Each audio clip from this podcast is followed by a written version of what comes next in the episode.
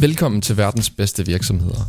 En podcast om virksomheder, der spiller en helt særlig rolle i verden og besidder helt særlige konkurrencemæssige fordele. I hver afsnit går vi i dybden med en virksomhed. Podcastens værter er Victor Bav, investor og partner i Snowball Capital, og mig, Simon Kold, investor og principal ved Novo Holdings. I denne podcast udtaler vi os dog som privatpersonerne Victor og Simon. Velkommen til. Velkommen til endnu et afsnit af verdens bedste virksomheder. I dag der handler afsnittet om Tencent. Og Simon, hvad er Tencent? Jamen, øh, forestil dig, hvis du lagde Facebook, Instagram, Spotify, PayPal, MobilePay, AWS, Amazon, Tinder, YouTube, Netflix, Twitch, Zoom, Volt og Sequoia Capital og alle computerspilsfirmaer, du kunne tænke dig, sammen i én virksomhed. Jamen, det er sådan set Tencent, by Kina. Tencent er på verdensplan verdens største computerspilsfirma, og så udover at være et operationelt selskab med en masse forskellige vildspændende aktiviteter, så, er det så også, har det så også en gigantisk investeringsportefølje med alle mulige lovende virksomheder, både inden for og uden for Kina, og i alle mulige udviklingsstadier og inden for alle mulige områder. Så en, en mastodont virksomhed. Og jeg håber her, at Simons intro sådan gav en indikation af, hvor vidtrækkende Tencent rent faktisk er. Og det vi har tænkt os at gøre i dag, det er, at vi har tænkt os at tage hvert af segmenterne, og så, og så gennemgå dem. Måske ikke så dybdegående, som vi plejer, øh, i forhold til sådan, de virksomheder, vi har været igennem tidligere, men det er fordi, at, at, at Tencent spænder så bredt, så vi vil hellere igennem hvert segment og prøve at, at, at give lytterne sådan en, en idé om, hvad, hvad, hvad det egentlig er. Ja, og så er det måske også bare øh, i virkeligheden sjovt at fortælle historien om, hvor, hvor vidtrækkende en virksomhed det er. Netop. Og Simon, vi skal jo starte med lidt historie. Ja, vi, vi, meget, vi gør det meget, meget kort. Vi havde ja. virkelig tænkt os, vi havde, det er lidt take 2, det her. Vi havde lavet et det. take 1, der var meget langt, med meget, en meget, meget lang historie. Så ja. den, den, den, det henviser vi i stedet for det sidste til nogle andre ting, man kan høre. Men altså, det starter med, at selskabet blev stiftet i 1998 af en mand, der hedder Mahua Teng, også kendt, øh, kaldet, han har taget det her tilnavn, Pony Ma, mm. som er sådan en modsat øh, den mere velkendte øh, internetentreprenør Jack Ma, som er stifteren af Alibaba, som er den her meget flamboyante mand, så er Pony Ma, han er den diametrale modsætning, han er den her meget introverte computernørd-type. Og Tencent er i dag mest kendt for den her altdominerende super-app WeChat, som så faktisk hedder Weiqing i Kina, og så deres meget store position inden for øh, alle mulige computerspil, både i, i Kina og uden for Kina. Men, øh, men, og, det, og det er jo her, vi skal starte. Ja, det er vi skal starte, men, men, men Tencent handler også om alt muligt andet, og yes. det vil vi så se Præcis. komme omkring. Men vi starter med sådan det største segment, og det er spil- eller gaming-segmentet. Og, og der er det jo en masse forskellige andele i store spilvirksomheder. Der er også nogle, de ejer fuldkommen. Og så har de også nogle spil, de selv har udviklet. Men lad os lige starte med at tage øh, måske mange af de spilvirksomheder, som, som folk har et kendskab til. I hvert fald de her forskellige spilfranchises, som de ja. her spilvirksomheder har lavet gennem tiderne. Lad os prøve at tage dem, øh, nogle af de mest velkendte, ja. som nogle af vores lyttere måske kan genkende. Altså, så, dels så ejer det den her amerikanske virksomhed, der hedder Riot Games, som har øh, spillene League of Legends og Valorant. Så ejer det den finske virksomhed Supercell, som har det her meget kendte mobilspil, der hedder Clash of Clans. Så ejer de 20% af den amerikanske virksomhed Epic Games, som har øh, en masse computerspil øh, herunder Fortnite, og det, der hedder Unreal Game Engine, som er verdens største game engine, som andre computerspil bygger videre på. Så ejer de 5% af den virksomhed, som hedder Activision Blizzard, som har blandt andet de franchises, der hedder Call of Duty og World of Warcraft, og som nu er Microsoft forsøger ja, at købe. Lidt endnu, kan man sige. Ja, lidt endnu. Og så ejer de en del af det franske virksomhed Ubisoft, der er den franchise, der hedder Assassin's Creed og Far Cry, og en hel masse andre ting også. Øh, og så ejer de 15% af en, en sydkoreansk virksomhed, der hedder Krafton, som står bag den franchise, der hedder PUBG, eller Player Unknown Battleground. Og en lang, lang række andre mm. game studios i øvrigt.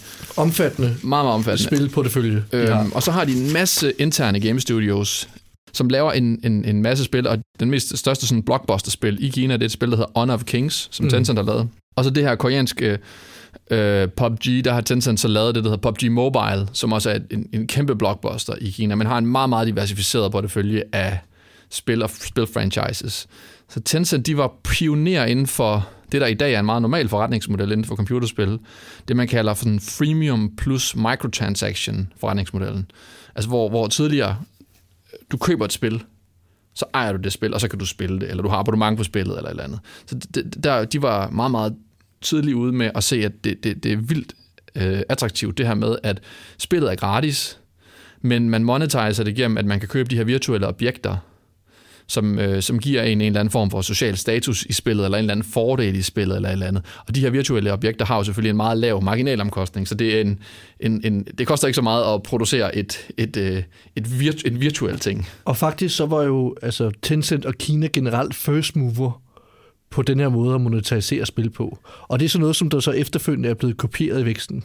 Eller i Vesten, undskyld. I, I tidlige dage for sådan consumer internet i Kina, der var det bare at kopiere. Mm. Kopiere, kopiere, kopiere. Tencent startede jo selv ud helt oprindeligt med at kopiere den her israelske virksomhed ICQ, der havde den her chat. Det var der faktisk den måde, Tencent startede på. Det var som sådan en copycat. Mm. Men det her, det, det, det, det, det er virkelig noget, hvor Vesten har kopieret Kina. Hvordan fungerer det så, hvis øh, jeg er en succesfuld spilvirksomhed i Vesten, jeg har et spilfranchise, øh, og jeg er interesseret i, at det her spilfranchise, det skal udbredes i Kina. Hvad, hvordan hænger det sammen med Tencent? Du kunne jo sådan, du sådan set sagtens gå ind og prøve at få spiltilladelse. Det, det kinesiske marked er jo rimelig reguleret. Der er en masse krav til, hvad for noget content, der må, de er meget, der må ikke være blod, eller der må ikke være politiske budskaber. Der er en masse forskellige sådan nogle ting, øh, der du skal leve op til. Og det, det er en ret rigid og lidt uforudsigelig godkendelsesproces. Så derfor er det, de fleste internationale spilvirksomheder anser det nok som værende en ret risikabel investeringskalkyle at gå, at gå direkte ind i Kina. Så de prøver tit at gå ind med ret ofte Tencent som en samarbejdspartner, så, så har de måske noget, nogle, nogle, noget IP-rettigheder. For eksempel Call of Duty. Det er en, en kæmpe verdensomspændende brand og, og meget succesfuld spilfranchise. Så partner man op med Tencent, som laver den her mobiludgave af spillet, som så øh, er dels er tilpasset det kinesiske marked, men også i, i nogle tilfælde bliver brugt uden for Kina øh, fordi de bare er rigtig gode til at, at lave de her mobilspil. Hvor meget stammer egentlig fra uden for Kina i forhold til indtjening kontra spil i Kina? Jamen det er jo lidt komplekst, fordi, hvis, fordi de både har den her investeringsportefølje med ting, der ikke er konsolideret yes. men hvis man udelukkende ser på de ting, som de sådan rent regnskabsmæssigt konsoliderer ind, det vil sige ting, hvor de ejer en kontrollerende ejerandel, ja. så er cirka 30% af den rapporterede spilindtjening, den kommer uden for Kina, og øh, resten kommer så fra Kina. Men i de senere år har de virkelig investeret massivt i game studios uden for Kina, så jeg tror, det er nok færre antage, at den ejerandel eller den, øh, det split kommer til at gå op i favør af uden for Kina. Ja. Samtidig har de så investeret mindre i USA og mere i bare i resten af verden. Specielt i europæiske game studios. Hvis vi ser på sådan konkurrenter, hvem, hvem er der så i Kina? Altså vi, fordi du, du siger, de, de har en ret stærk position i, i Vesten, fordi der er de stort set investeret i alle de store. Men hvad med i Kina? Hvem, hvem er der ellers der? Der er en del uh, game studios i Kina. Tencent har, nu har jeg ikke de eksakte markedsandel uh, foran mig, men de har nok omkring sådan halvdelen af markedet. Mm. Og, og er så uh, cirka tre gange så store som den nærmeste konkurrent, der hedder NetEase på det kinesiske spilmarked, som, de altid, som altid har været deres, sådan deres evige rival. Vi har jo ikke snakket om computerspilvirksomheder før i vores podcast her, men Tencent er så den her mastodon, der, der ejer en masse af de mest, øh, de mest værdifulde aktiver inden for computerspil på verdensplan. Hvad, hvad for nogle konkurrencemæssige fordele øh, kan man tale om, de, de muligvis har inden for det her forretningsområde? Men altså, man kunne jo godt argumentere for i hvert fald, at øh, mange af de her store spilfranchises her, de har jo et stærkt brand. Altså hvis du kigger på øh, spilfranchises som Call of Duty og så videre, øh, der er det jo lykkedes simpelthen at lave nyere, eller kontinuerligt nye versioner af det her spil her, og folk, øh, de spiller det med glæde, når der kommer en ny version. Så der er altså et, et, et, et franchise, et brand her, som, som, som folk værdsætter højt. Øhm, og så kan man jo også godt argumentere for, at de har nogle skalafordele i deres øh, distributionsnetværk, fordi de, er, de kan meget, meget hurtigt få distribueret det her spil, som de besluttede for, skal være øh, det, de gerne vil distribuere til rigtig, rigtig mange kinesere. Så, så, så, så det er jo, det er jo en, en, en stordriftsfordel, øh, der vil noget i hvert fald. Og kvæg deres position på, som, som den største øh, computerspilfirma i verden, er de også øh, den største, øh, altså på Apples App Store for eksempel, at Tencent det er den største, øh, det er den største spiller på udbudssiden af Apples App Store. Og næste segment, vi skal tage fat på her, det er jo så øh, det, vi har valgt at kalde for altså social media. Og der har Tencent jo den her altdominerende superapp, som Simon nævnte i starten, der hedder WeChat. Og bare lige for at sætte et par tal på, så er der cirka 1,3 milliarder mundtlige aktive brugere på det her WeChat. Men de har også et, et beskedssystem, øh, der, der, der ligger, som Simon også vil komme ind på nu her, der hedder QQ, hvor de har cirka 500 millioner øh, mundtlige aktive brugere. Men, men Simon, øh, kan vi ikke lige starte med, med, med historien i forhold til, hvordan altså, den her alt dominerende super rent faktisk blev skabt i form af, af WeChat, eller Weixin, som den hedder på kinesisk? Jo, altså Tencent havde jo, altså forløberen for det var den her QQ beskedtjeneste på PC, der mindede lidt om, om, om, hvad folk måske kan huske som sådan noget MSN Messenger, hvor man også kunne have avatars og sådan noget, så den havde nogle flere øh, nogle elementer af noget, man, man, man kender fra et, et socialt netværk. Ikke?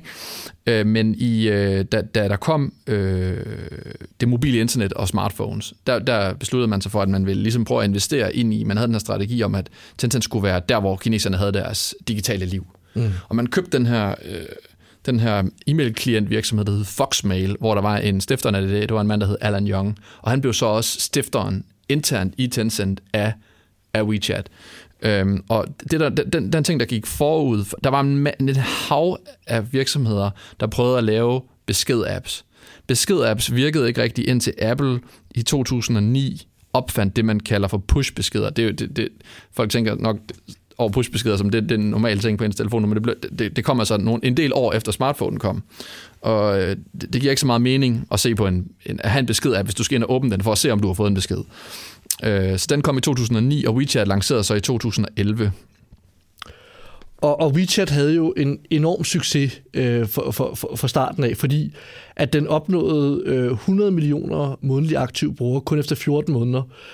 Bare for at sætte det lidt i perspektiv, så tog det faktisk Facebook fire år at komme over den her tærskel, der hed 100 millioner månedlige aktive brugere. Så det gik ekstremt hurtigt, og hvad var det for noget, hvad, hvad var det for en mekanik, der accelererede, at de kunne nå de her 100 milliarder, eller 100, 100 millioner, undskyld, månedlige aktive brugere så hurtigt? Der var to ting, der var sådan lidt nogle små innovationer i forhold til, der gjorde de skilt sig ud fra de andre, som bare ren beskedtjenester. Det ene var det her med, at man kunne se øh, sådan friends nearby, og det blev, det blev både brugt i forhold til at se friends nearby, men det blev også brugt lidt som sådan en form for dating dating-app. Ikke? Og dels så var der også den her øh, sådan walkie-talkie-funktion, fordi det var besværligt med det kinesiske øh, tastatur, som også var meget, meget populær og meget, meget effektiv. Og så var der jo bare de her netværkseffekter, så den, der hurtigst muligt var den, der havde flest brugere, det var også bare den, der vandt. Det var lidt sådan winner takes it all, som man også har set inden for andre beskedtjenester og sociale netværksting. Øhm, og de lancerede så sidenhen det, der hedder Witching Moments, som, som på mange måder minder lidt om det, vi måske kender som Facebook Newsfeed. Og det her det er jo så begyndelsen på sådan den næste fase af, af WeChat, for nu begynder de sådan med, med det her moment, som du var inde på, at bygge alle mulige forskellige tjenester øh, ovenpå den oprindelige chat-funktion. Og hvad er det de ellers, de også øh, bygger ovenpå? En af de ting, de bygger videre på, det er det, der hedder øh, official accounts, altså hvor handlende og virksomheder kan lave en officiel WeChat-account, hvor, hvor, man, hvor de så kan interagere med deres kunder i forhold til både kundeservice, men også folk, der vil bestille ting. Øh, det viser sig at få, øh, det viser sig sidenhen at blive udviklet mere og mere og mere. Så øh, øh, man ligesom som tredje part kan være en, en erhvervsdrivende på WeChat. Øh, de udvikler deres egen betalingsting. Det kommer, vi kommer ned, for det, fintech er en særskilt division i dag, men det viser sig at blive en ret vigtig del af det her med at få et økosystem rundt omkring WeChat. Og øh, sidenhen laver de så det, der hedder mini-programs, hvor at man som, øh, man som virksomhed kan have simpelthen en, en program, man selv har lavet inde i WeChat, hvor man kan interagere med sine kunder, hvor der i dag er altså en enorm mængde øh, øh handelsaktivitet, der faktisk kører over WeChat på en måde, som WeChat ikke ikke rigtig øh, monetiser andet, end at det, det tit bliver brugt på deres øh, WeChat Pay, som vi kommer tilbage til. Øhm, og så har WeChat så en i dag en, øh, det, der hedder WeChat Video Accounts, som er sådan en short form video, der minder lidt om det mange sikkert vil kende som Reels. Og der har de en meget, meget stor del af den tid, brugerne bruger derinde. Men det er kun her for ganske nylig, at de overhovedet er begyndt at, at monetize det gennem reklamer, Ja, fordi nu skal vi jo så tale om, hvordan de rent faktisk øh, altså monetiserer eller, eller tjener penge på, på, på WeChat. Yes. Og der, der, der, der ved vi i hvert fald, øh, at, at de har et øh, relativt lavt, det man kalder for altså adload, altså hvor mange reklamer, der simpelthen bliver vist i de her moments og i de her forskellige short form videos, der er. er relativt i hvert fald til vestlige piger som Facebook og Instagram og så videre i Moments, der var de faktisk ret sent til at lancere reklamer. Dylan Young var, var modstander af, at man overhovedet skulle have reklamer. Og det er så en ting. Ikke? De har en lavere adload, så ja. der bliver vist færre reklamer, og de bruger brugerdataen i mindre grad, Præcis. når de laver reklamerne, så de er i mindre grad individualiseret. Og så er det så den her video-accounts, der er man altså først, det er først indtil her i år, at man overhovedet er begyndt at eksperimentere med at have reklamer på den. Så, man, har, man har jo alle omkostningerne, så sådan rent økonomisk for virksomheden bliver det formentlig en meget stor profitbidrag, fordi det kommer som ren inkrementel øh, effekt på bundlinjen, når man allerede har omkostningerne ved at ligge og køre det. Så pointen øh, her, det er altså, at der er en, en, en lang øh, runway i forhold til at monetarisere øh, WeChat. Og vi har fundet et klip frem, øh, og det stammer fra øh, Q2 øh, 2021, og det er James Mitchell, det er Tencents øh, Chief Strategy Officer, øh, som der netop øh, altså kommer ind på det her med øh, øh data og individu- altså, øh, lave individualiserede reklamer, og hvordan Tencents sådan, øh, holdning er til det, øh, og det spiller vi så for jer nu. Yeah, thank you. So, you know, on your first question about uh, data collection and, and using data to target advertising, you know, I think we've always been, um, well known in the industry for, being very, uh, you know, thoughtful and judicious about the extent to which we use uh, consumer data uh, for um, ad targeting purposes. And you know, I, won't go into all of the details here, but I think at a high level, you know, our assumption is that um, you know that there could be fairly substantial changes in terms of you know, the regulations around the use of data for advertising targeting purposes um, before those would have any uh, meaningful negative impact on us, simply because we have not been uh, nearly as aggressive as know, our Western peers or some of our local peers in terms of the granularity and the specificity of the ad targeting that we employ relative to the user data that we would potentially have access to. Tencent, har så ikke aktivt bygget deres egne e-commerce funktion, funktion, funktionaliteter, deres egen e-commerce forretning ind i WeChat, men de har lavet de her investeringer i en lang række af de store øh, e-commerce virksomheder i Kina, der ikke er Alibaba, som er deres øh, konkurrent, og dem har de så tidligt givet enormt meget trafik gennem WeChat, og i virkeligheden haft dem integreret i ret høj grad ind i WeChat, så man har på en eller anden måde øh, ageret det, vi kalder sådan kingmaker. De har netværkseffekt marketplace virksomheder, som de skal bruge en masse penge til at skalere rigtig meget, de skal erhverve en masse brugere, det er den måde, man når en eller anden form for densitet eller, eller niveau for, at man overhovedet kan have en, en, en forretningsmodel, der, der kan konkurrere. At man skal bruge alle de penge på at erhverve alle de her brugere. Man skal have noget trafik. Men Tencent, de kunne både komme med pengene, men de kunne også bare komme med trafikken. Så de, så de kunne i virkeligheden investere ind i et totalt aftalt spil, hvor de, var, de kunne selv bestemme, hvem der vandt spillet. Så de har haft en playbook igennem mange år, med inden for ikke kun e-commerce, men alle mulige andre områder. Også, øh, jamen altså stort set alle områder af sådan noget consumer internet, hvor de har investeret ind i en lang række spillere, og så har de gjort dem, de havde investeret i til vinderne. Simpelthen. Og det er det, man jo kan, når man i bund og grund ejer øh, styresystemet. Det er også øh, ret interessant, at øh, de her mini-programs, som vi nævnte tidligere, som de her official øh, accounts, de ligesom har mulighed for at lave, der tager Tencent altså ikke nogen direkte take rate. De tager ikke nogen andel af de ting, de sælger igennem øh, de her mini-programs. Ikke andet end, at de typisk bruger øhm, øh, WeChat Pay til at facilitere betaling, og dermed selvfølgelig har en, et fee på den del. Ja, og nu skal vi også lige tale om øh, WeChats konkurrencesituation. Fordi at du har øh, det, der bliver kaldt for Douyin i, i, i Kina, og det er faktisk øh, det, som vi forbinder med, med, med TikTok. Og, og det er jo ByteDance, der både, øh, der både ejer Douyin og, og TikTok.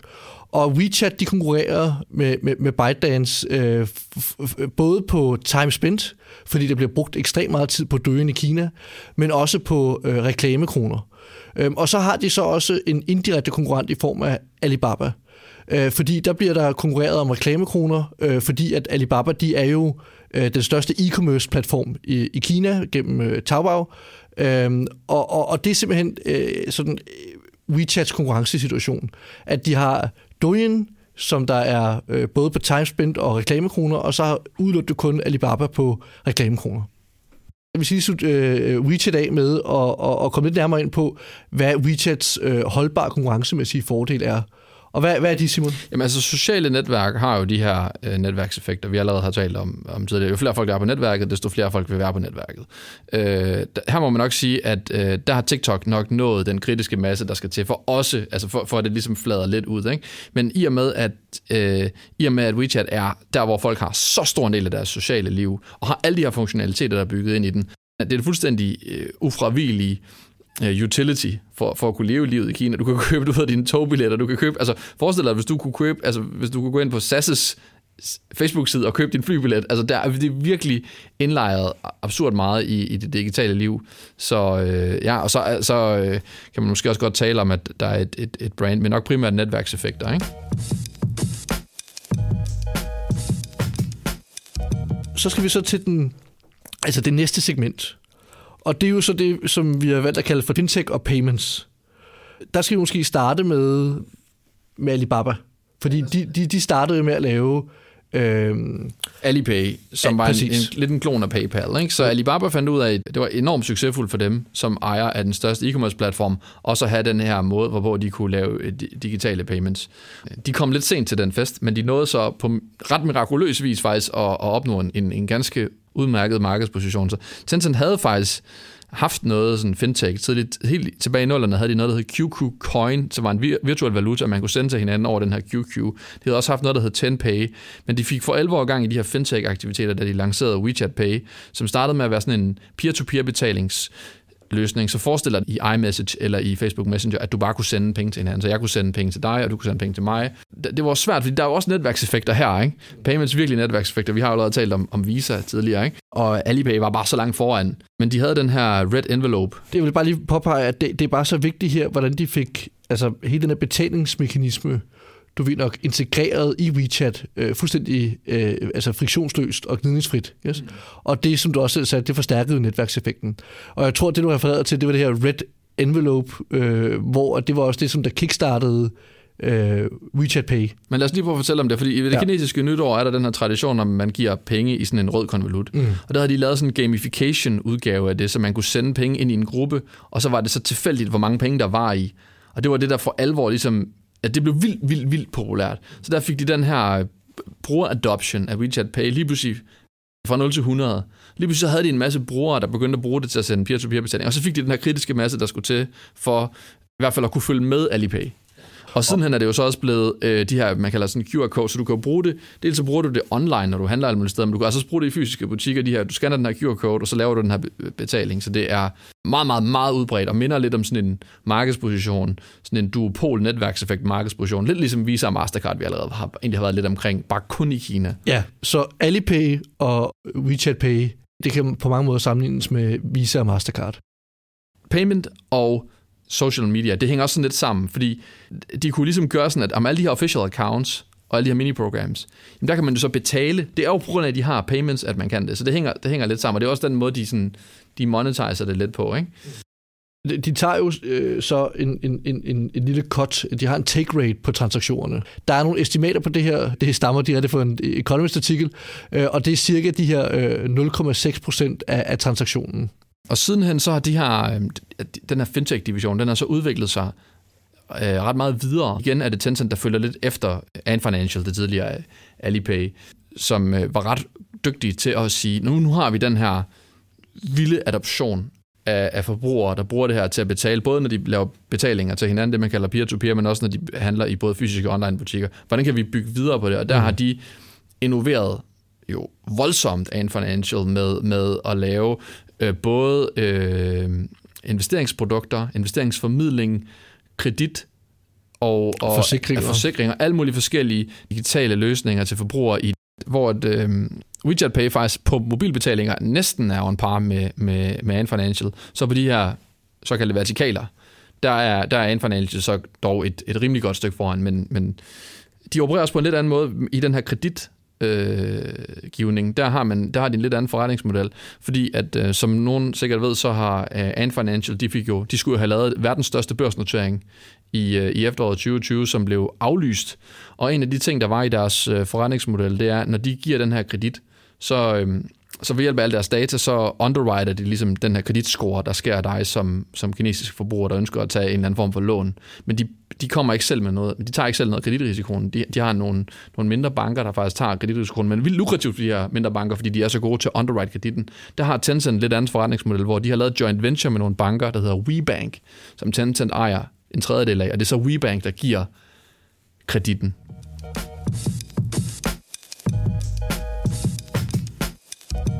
Og så skal vi så til det næste segment, og det er øh, det segment, øh, der hedder Cloud og Enterprise, fordi at Øh, som vi også nævnte i introen, så har Tencent jo selvfølgelig også øh, deres egen øh, cloud-forretning. Og det er øh, og det, og det, det var det var Alibaba der var lidt first mover i Kina på, på, på, på clouden. Og de, de, de, de, dem kan man på mange måder sammenligne med AWS, øh, hvis man skal have sådan den, den vestlige sammenligning. Og så øh, kom Tencent så lidt efter. Og Tencent har jo haft mulighed for at bygge deres cloud-forretning, øh, fordi de har så mange forskellige virksomheder, store virksomheder i Kina, Pinduoduo, JD og så videre, som der, som der faktisk bruger Tencent og, og, og, og WeChat og så videre. Og det er så dem, som de også har fået koblet på deres cloud. Ja, så man kan sige, der er en, øh, en helt, man kan kalde det lidt sådan Tencent-klan. Ja, det er det, du så Måske skal vi lige prøve at starte med at give et overblik over sådan cloud computing-markedet i Kina. Så ja. Helt grundlæggende så adskiller cloud computing-markedet sig i Kina fra Vesten ved, at i Kina er det kun statsejede virksomheder, der må eje selve infrastrukturen.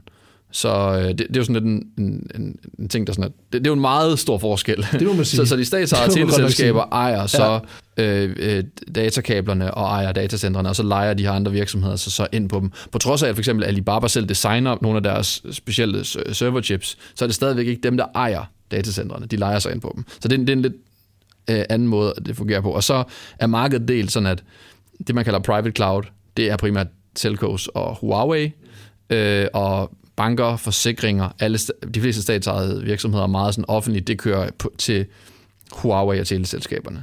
Og Huawei er sikkert også, kvad de laver hardware, sikkert bedre på sådan noget security og sådan noget ting, men øh, den offentlige, eller den private sektor, og særligt internetsektoren, er så kunder hos, hos, hos, øh, hos de her andre public cloud-spillere, som er, hvor nummer et er, er Ali Cloud, og nummer to er Tencent Cloud, og så har du så Baidu og en, en lang hale, men de to største er så øh, Alibaba og, øh, og Tencent. Og det er sådan del lidt mellem sig. Så hvis du er en del af Tencent-klanen, der har fået investeringer fra Tencent, eller du på en eller anden måde konkurrerer med Alibaba, så er du på Tencent, og ellers så er du nok på Alibaba. Og hvordan, hvordan er det så øh, deres eksponeringer mod sådan, øh, det, vi forbinder med enterprise software? Jamen det er så kommet hen sidenhen, fordi Kina har cloud computing været meget mere sådan ren compute og ren hosting, så det har mere af det, man kalder infrastructure as a service, hvor det man, det man så kalder de andre lag, man kalder platform as a service og software as a service, har fyldt mindre. Og man har jo kunne se, hvor lukrativ og stor en forretning det er blevet i, i Vesten. Så der har været mange aktører, der har været gået meget aggressivt efter bare at få markedsandel. Men det har faktisk ved at ændre sig lidt nu. Så nu går Tencent og Alibaba meget mere aktivt efter at bevæge sig op i platform as a service og software as a service. Så Tencent har specifikt udviklet, bare for at nævne nogle, nogle af de eksempler, har de udviklet det, der hedder Tencent Meetings, som minder lidt om det, vi kender som Zoom. De har nogle CRM-tools, som minder lidt om en light version af Salesforce. De har Tencent Docs, der minder lidt om sådan Google Docs. De har en lang række ting. De har også en masse sådan kunstig intelligens tjenester, de, de udbyder. Og Alibaba har så tilsvarende en masse enterprise services, også de udbygger. Og, og man kan så se, at de faktisk vokser ret meget mindre, end de har gjort historisk, hvor man er gået med efter den her massive vækst, men har sådan meget, meget kraftigt tiltalende profitabilitet. At den her tech crackdown, der har været i Kina sidste år, som vi også måske kan komme tilbage til, har så også gjort, at nogle af de kunder, de cloud-kunder, de havde, lige pludselig har investeret mindre, hvilket så også har gjort, at, at i hvert fald sidste år, så er public cloud vokset meget mindre end private cloud. Så der, når man ser på den samlede cloud-markedsandel, så ser det ud som om telcos og Huawei har taget markedsandel, men det er nok ikke nødvendigvis udtryk for, at de har mistet øh, markedsrelevans. Det er sådan set mere, nok mere et konsekvens af den del af markedet, de er eksponeret til. Ja, pop, uh, private cloud voksede bare mere end Sidst, public ja, cloud ja, sidste, år. sidste år. Ja. Måske skulle vi lige hurtigt lige nævne, at inden for uh, Cloud Enterprise er jo kendetegnet ved kraftig stordriftsfordel. Så, så der er, de, de er måske lidt reduceret her i form af, at man ikke selv ejer det, det, det er lidt svært sådan egentlig at sige, fordi det, her, det er jo ikke en industri, der egentlig er at, at scale, så man kan egentlig ikke helt se, hvor stor bliver deres overskudsgrader på længere sigt. Der, der, der er stadigvæk nogle, nogle år, indtil man når sådan steady state overskudsgrader på, på cloud computing. Så det er lidt spændende, sådan, det faktum, at man ikke ejer selve det, hvor, stor, hvor stor de skal, hvor, hvordan det påvirker de her stordriftsfordele. Men nok, og hvordan det kommer til at adskille sig fra de vestlige øh, altså, øh, peers. Men man kan i hvert fald se, altså Alibaba var de første til at break even på cloud computing, ikke? Så, mm. og de er den største. Så der er nok en eller anden form for sammenhæng mellem størrelse og, eller der er helt sikkert det, det er der helt en sikkert. sammenhæng mellem, ja. mellem størrelse og, og, og, og Men hvor stor skalefordel er, ja. når du ikke selv ejer ja, ja, infrastruktur eller data. Det påvirker, det på, en, det påvirker det på en eller anden måde. Ja. Ikke? Og, og de her øh, software, enterprise software tools, de bygger, de kommer helt sikkert også til at have en masse switching costs og kundeomstillingsomkostninger, mm. vi også har talt om tidligere. Ikke? Jo. Okay, øh, så det så, nu er vi færdige med øh, cloud og enterprise-segmentet. Men vi er slet ikke færdige endnu. Nej, vi er slet ikke færdige nej, fordi, men nu, nu tager vi så øh, sådan de næste par segmenter, men det bliver sådan lidt mere deskriptivt i forhold til, til det, vi har været igennem indtil videre. Og vi skal starte med Tencent, fordi de har selvfølgelig også en eksponering mod music streaming. Og der har de lavet et, øh, et, et, et, øh, et, et, et joint venture øh, med Spotify, og de har også øh, taget en 8% stake i Spotify. Klassisk Tencent måde at håndtere det på, ikke? Altså så, de havde en, øh, de vil lave en øh, Spotify, øh, lave de joint venture, så de tager Spotifys øh, international øh, content library, og laver så, vi går ind i Kina sammen, vi kan komme med trafikken, vi kan sikre, at ligesom, vi vinder den her kamp. Mm. Så, så tænker man, om vi skaber jo ret meget værdi for Spotify ved at gøre det her. Og så køber vi også lige 8% aktierne i Spotify for så at indfange noget af den værdi til os selv, vi så skaber. Det, det, det gør de jo igen og igen, når de laver et eller andet strategisk samarbejde, så køber de så også ind i den part, de skaber værdi for, for på den måde ligesom at... En, det, ægte, en ægte kingmaker igen. Øhm, og det er jo med afstand den største musikstreaming-tjeneste i, i, i Kina. Ja. Og vi så går videre, vi, Victor. Ja, vi går videre, fordi nu skal vi så til det, vi kalder for uh, video og livestream. Så øh, der har Tencent jo det, de kalder for Tencent Video, og det stammer tilbage fra 2011, der lavede de Tencent Video. Og i dag, der har Tencent Video omkring 1 milliard månedlige aktive brugere. Og hvad er det helt præcis, sådan Tencent video det er? Det er det, man kalder long form video. Altså man kan ikke helt, altså det minder nok lidt, kunne sige, det, det minder måske lidt om Netflix, kan man sige. Ikke? Altså de har blandt andet en, øh, øh, rettighederne til NBA i Kina, men du har jo en masse forskellige, du har også nogle pangdanger til, til ligesom du har nogle pangdanger til Reels og TikTok og så videre, så har du også nogle, der er lidt, lidt om YouTube, der er lidt mere brugergenereret, og så har du det her lidt længerevarende. Ja. Så Tencent video er mere sådan, det er professionelt produceret content. Yes. Og der har du 100 millioner subscribers, men 1 milliard månedlige aktive brugere. Så du har ikke i samme grad konverteret brugerne til betalende brugere endnu. Så der er også måske en upside, men måske er markedet i Kina bare også anderledes der. End det er Lidt ligesom du kan sige med, med, med en YouTube-model, som der jo også har øh, en, en premium subscription, eller øh, øh, ja. Og så, ned, så er vi så ikke færdige med, for livestreaming er jo Øh, så har de alle mulige andre former for livestreaming. Også i deres investeringsportefølje har de blandt andet det her selskab, som jeg altid har svært ved at udtale navnet på. Jeg ved, Victor, du har øvet dig på... Ja, jeg øvet på det. Jeg kan godt få at sige... Kuaishu. Som er, som er sådan en e-commerce livestreaming virksomhed, som laver sådan noget livestreaming, men med, med fokus på, at man skal handle noget, som er, som er populært blandt, blandt unge. Øhm, og så har de de her to virksomheder, der hedder Huaya og Dojo, som begge to minder lidt om det, den virksomhed Amazon ejer, der hedder Twitch, som laver sådan noget e-sport livestreaming og livestreaming af computerspil specifikt. Hvor de, som, så både nummer 1 og 2, dem prøvede Tencent faktisk så at slå sammen og konsolidere ind, men den merger er så faktisk blevet afvist. Så der er deres kingmaker-forsøg blevet sikkert med god grund øh, stoppet af, af hvad hedder det, konkurrencemyndighederne. Okay, og det, det afslutter faktisk så vores øh, altså segmentgennemgang af, af Tencents forretning. Og det, vi gerne vil fokusere på nu, det er jo det, som vi faktisk også startede med at komme ind på, det er Tencents enorme investeringsportefølje. Og vi skal starte med lige at spille et klip igen for James Mitchell, Tencents Chief Strategy Officer. Um, we are very focused on uh, capital, returning capital to shareholders, given we, we believe our share price is, is very undervalued and, and you know, also undervalued in the context of our investment portfolio. So if you look at uh, you know, what we've done year to date, uh, we, have returned uh, around 17, 18 billion dollars to to Tencent shareholders, and we've been largely neutral in terms of our investments, divestments in in other companies, excluding the, the substantial JD divestiture. Uh, so our focus from a sort of investments perspective has been buying back uh, and dividending to our own stock, and that will likely remain the case uh, going forward for some period of time. In terms of your question as to how we can fund ongoing buybacks and dividends, then you know, if you take our second quarter results, we generated annualized free cash flow of mid-teens billions of US dollars and that's after investing in, the capex and so forth to support video accounts and support uh, international games and support enterprise software. In addition to that, we've disclosed that we have an investment portfolio uh, whose market value was $90 billion at the end of the quarter. And we've demonstrated with JD and C that we're willing to work down that investment portfolio over time.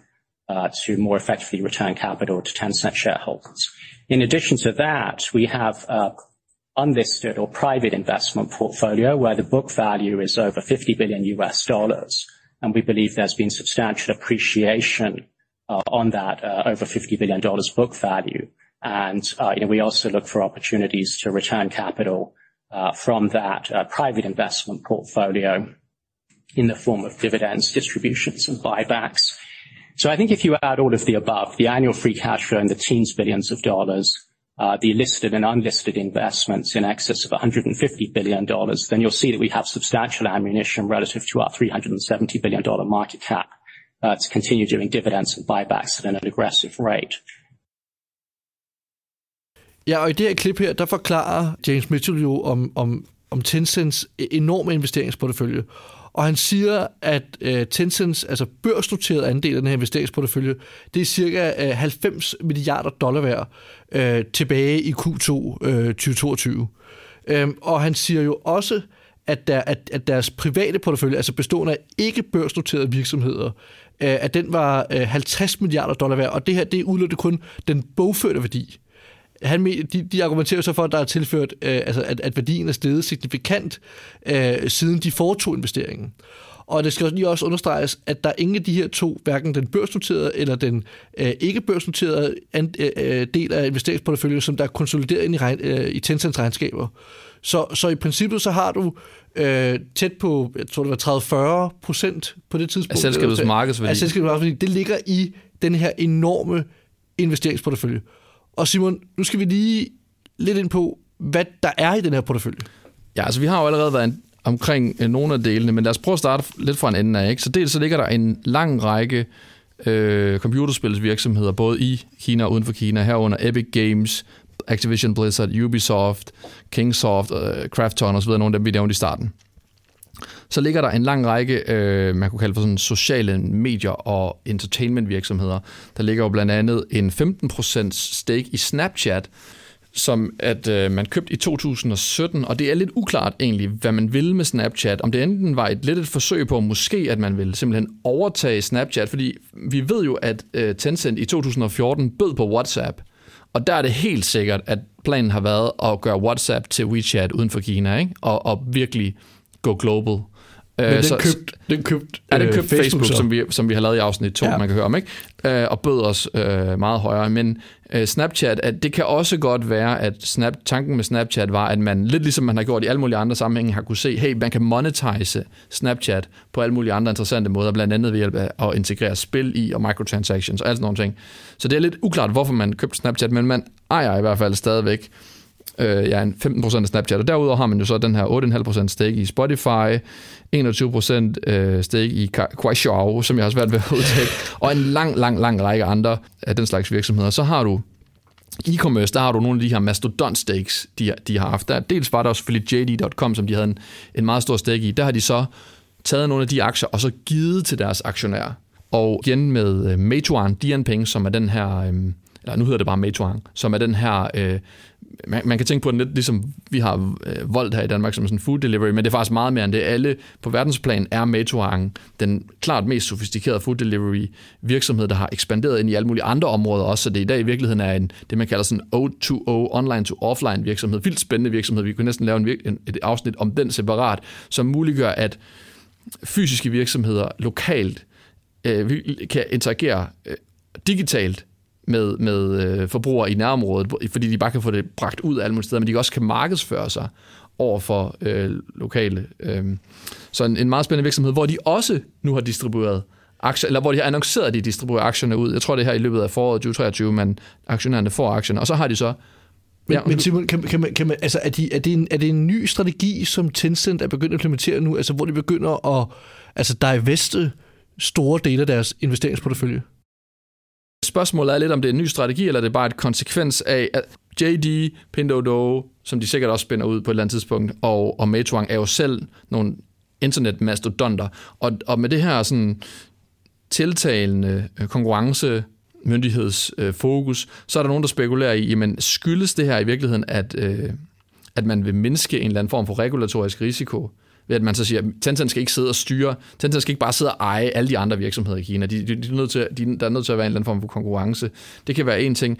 Tencent siger jo selv i klippet, at det skyldes, at virksomhederne bare de har nogle kriterier for det, og at virksomhederne bare ikke altså er blevet så store, at de ikke er afhængige af Tencent mere, og det er jo også rigtigt. Så, og så er det jo en god måde at skabe værdi for aktionærerne på, når man tænker på, at den her investeringsportefølje udgør så stor en del af Tencents egen markedspris, så simpelthen bare give aktionærerne aktierne, så kan de jo selv bestemme, hvad de vil, hvad de vil gøre med dem. Men lad os lige på at gå videre ja, ned igennem der, ikke? Så, så er Pinduoduo, så har de selvfølgelig Didi, som er den der ligesom uber pangdang i Kina, den er, den er de selvfølgelig også med i.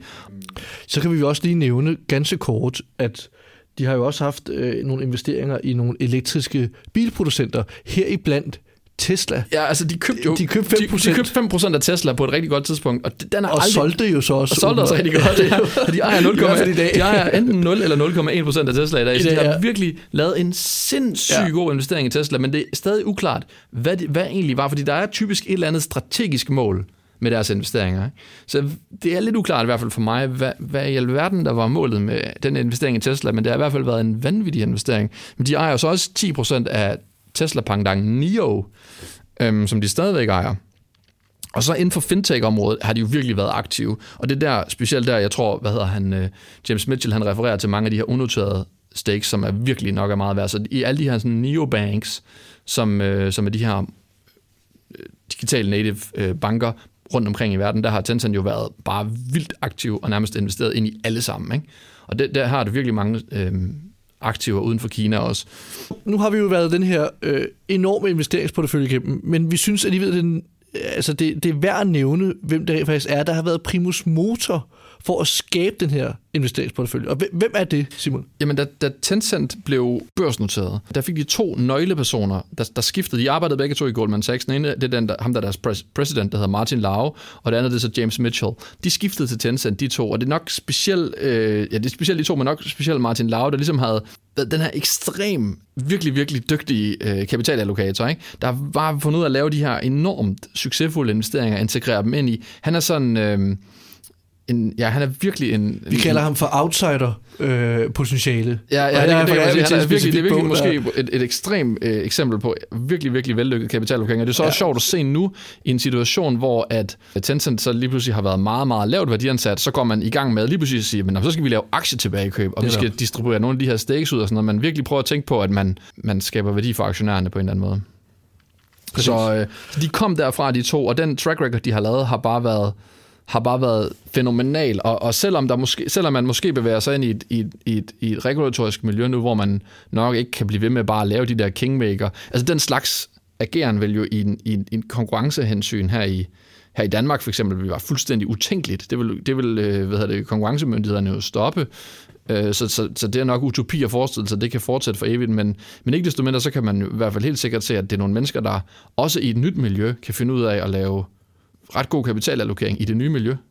Ja, fordi de jo, som du selv var inde på, de er jo meget hurtigt skiftet nu til, at, at det er øh, aktietilbagekøb og, og dividendudbetalinger, som de måske hælder mest til nu, fordi de også synes, at jo selv har sagt, at deres aktiekurs er meget undervurderet.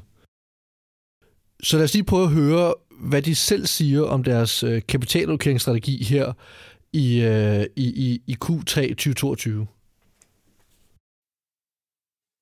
In terms of capital allocation, I would say, you know, we're not uh, a utility, right? You know, so we're a, a growth-driven company. So uh, I would say we're not gonna have a, return or dividend yield-driven uh, thinking in, our capital allocation. So if you look at the, three sources of capital return that we talk about, one is dividend, the other one is share buyback, and and then we talk about the distribution in kind. Uh each one of them is actually of a different nature, right? I think, you know, in terms of the dividends, uh it is a program and, uh you know, we have been distributing about 10% of our non-IFRS earnings. And over time, we may actually increase that. Depends on, you know, what, um, uh you know, how how we look at the reinvestment opportunities. But then uh, share buyback is actually uh, a, way for us to return the excess cash flow, and that would be calibrated against investment opportunities, uh, investing in other people, other companies' shares. And it is true that given the industry environment right now, we are being more selective in terms of our investments. So that's why we actually have more cash to conduct share buyback, and especially when our shares is actually very attractively valued, uh, given our our uh, strong operations, cash flow generation, as well as we actually have a basket of investment portfolio, which is also um, a share buyback actually get us more exposure to that. So that's why this year we have actually stepped up our share buyback in a pretty uh, significant way, but we actually manage it in a dynamic way. Uh, in terms of uh, the distribution in kind, that's actually a more case-by-case basis, and that the reasons and considerations I think James have already talked very clearly about. So those are all of different natures. Overall, uh, we do not want to uh, have a target yield, uh, but at the same time, I think, you know, we're very thoughtful and we're very proactive in terms of returning capital to the shareholders as we see fit in order to maximize the shareholder return.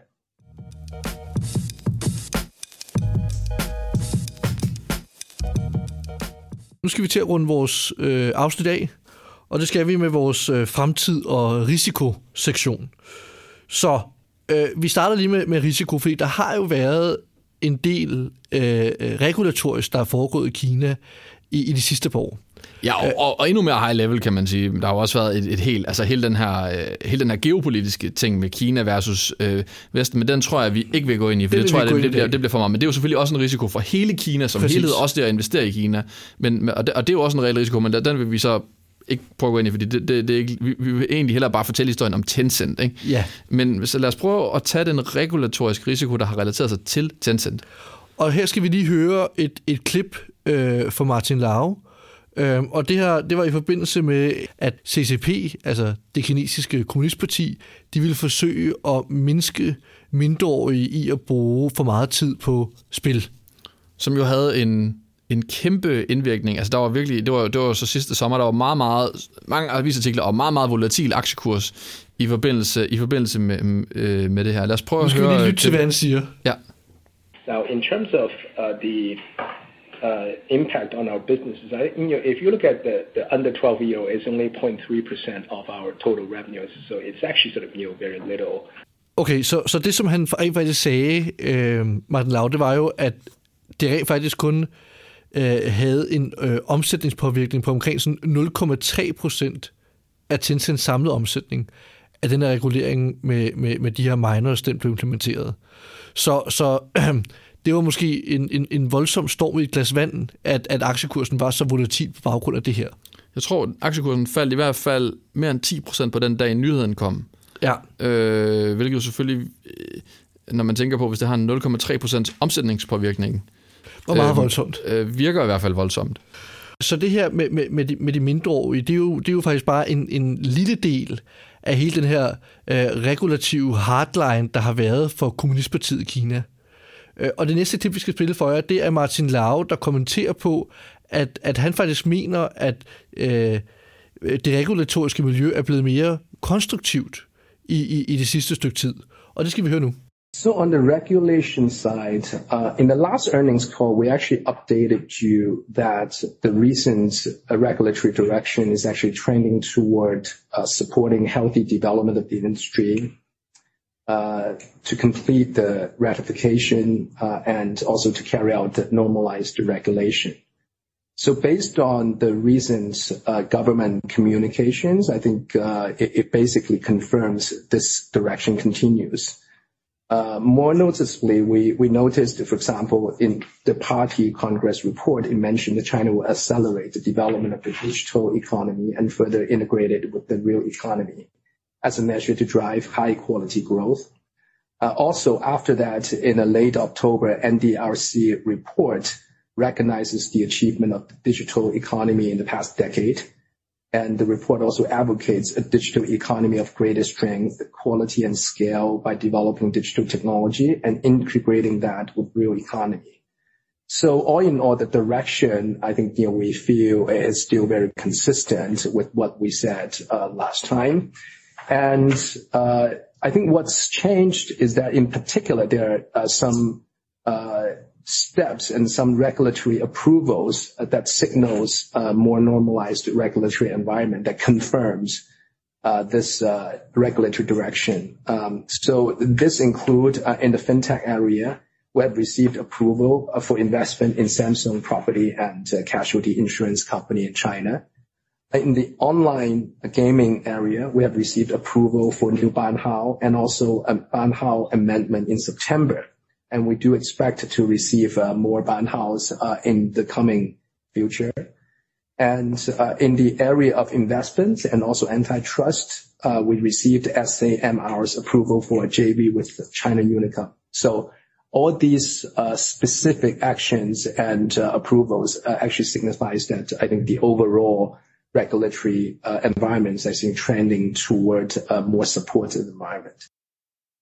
her refererer han til det, der hedder Banhau. Det er også så de her øh, spiltilladelser, de får fra, fra den tilsynsmyndighed, der fører tilsyn med, med computerspil. Der har der været en masse usikkerhed, fordi at der har været en, en midlertidig opbremsning i de her godkendelser, som, som selvfølgelig folk, i og med der har været det her større overordnede øh, regulatoriske usikkerhed, så har folk tænkt, uha, for Tencent nu ikke lov at få godkendt deres nye spil, men det er de så øh, begyndt at gøre. Og han nævner også den her, øh, det her joint venture, de har lavet, som et eksempel på, at jamen altså, antitrust, de kan godt få lov at lave ting.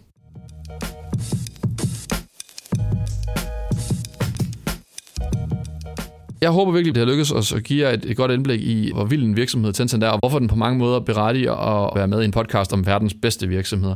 Men der er jo altså også lige en lille bagside af medaljen her, i forhold til sådan, hvor god en virksomhed er Tencent. Ikke? Og det er det her faktum, at det er de et socialt medie i et øh, ikke-demokratisk land. Det gør jo selvfølgelig, at man kan sige, at det er ikke en af verdens bedste virksomheder, fordi det øh, de bidrager til overvågning af befolkningen og sådan noget. Ja, du kan i hvert fald sige, at den, den kinesiske øh, stat har i hvert fald øh, øh, censur også på sociale medier, og det tillader øh, Tencent, og som du også var inde på, så er det spillereglerne. Så det er måske lidt øh, altså bagsiden af medaljen af den her fantastiske forretning. Ja, præcis. Altså, de kan jo, de kan, de, det kan være, at de er nok så etiske øh, mennesker, dem der driver Tencent. Det, det tror jeg sådan set, de er, men der er nok ikke nogen tvivl om, at øh, deres muligheder for at gå op imod styret i Kina, de er meget, meget begrænsede. Så, øh, så de er ligesom nødt til at følge spillereglerne, og det, det medfører jo så også, at formentlig bliver der udført, øh, du kan sige, øh, kraftig overvågning af kinesiske borgere på deres platforme. Så det skal man i hvert fald også lige have med i sin betragtning, inden man udråber den til at være verdens bedste virksomhed, eller et eller andet den stil. Lige det, det, det, det, det hører så også med til, helt klart med til historien. Uh, lige her afslutningsvis, der kommer vi selvfølgelig lige med nogle uh, anbefalinger, uh, som uh, I kan lytte til eller læse. Uh, hvis I gerne vil have et endnu større kendskab øh, til Tencent. Og det vil vi anbefale, det er for det første bogen uh, Influence Empire, uh, der kom i 2020. Uh, I 2022? 2022, undskyld. Og, og så er der også en, en, en fremragende podcast, øh, øh, der hedder Asian Mavericks øh, om Pony Ma, som der altså går meget, meget dybt ned i historien om, om hele Tencent, øh, og, og også øh, deres stifter øh, Pony Ma. Og det kan, vi, det kan vi virkelig anbefale, hvis du gerne vil have et, et mere sådan historisk perspektiv for, på, på, på Tencent. Den starter jo sådan, da selskabet blev stiftet, og så går den helt op til, jeg tror, den er lavet i 2017 eller 18 eller sådan ja. noget, og så gennemgår den historien meget, meget, meget grundigt. Den er meget detaljeret. Øh, det, det, den, er, den, den er et godt supplement til, til den her, det vil, øh, det vil til, til det her afsnit. Ikke? Ja. Og så bogen er jo selvfølgelig, den har så det hele. Den går så helt op til i dag. Ja, det var alt. Tak.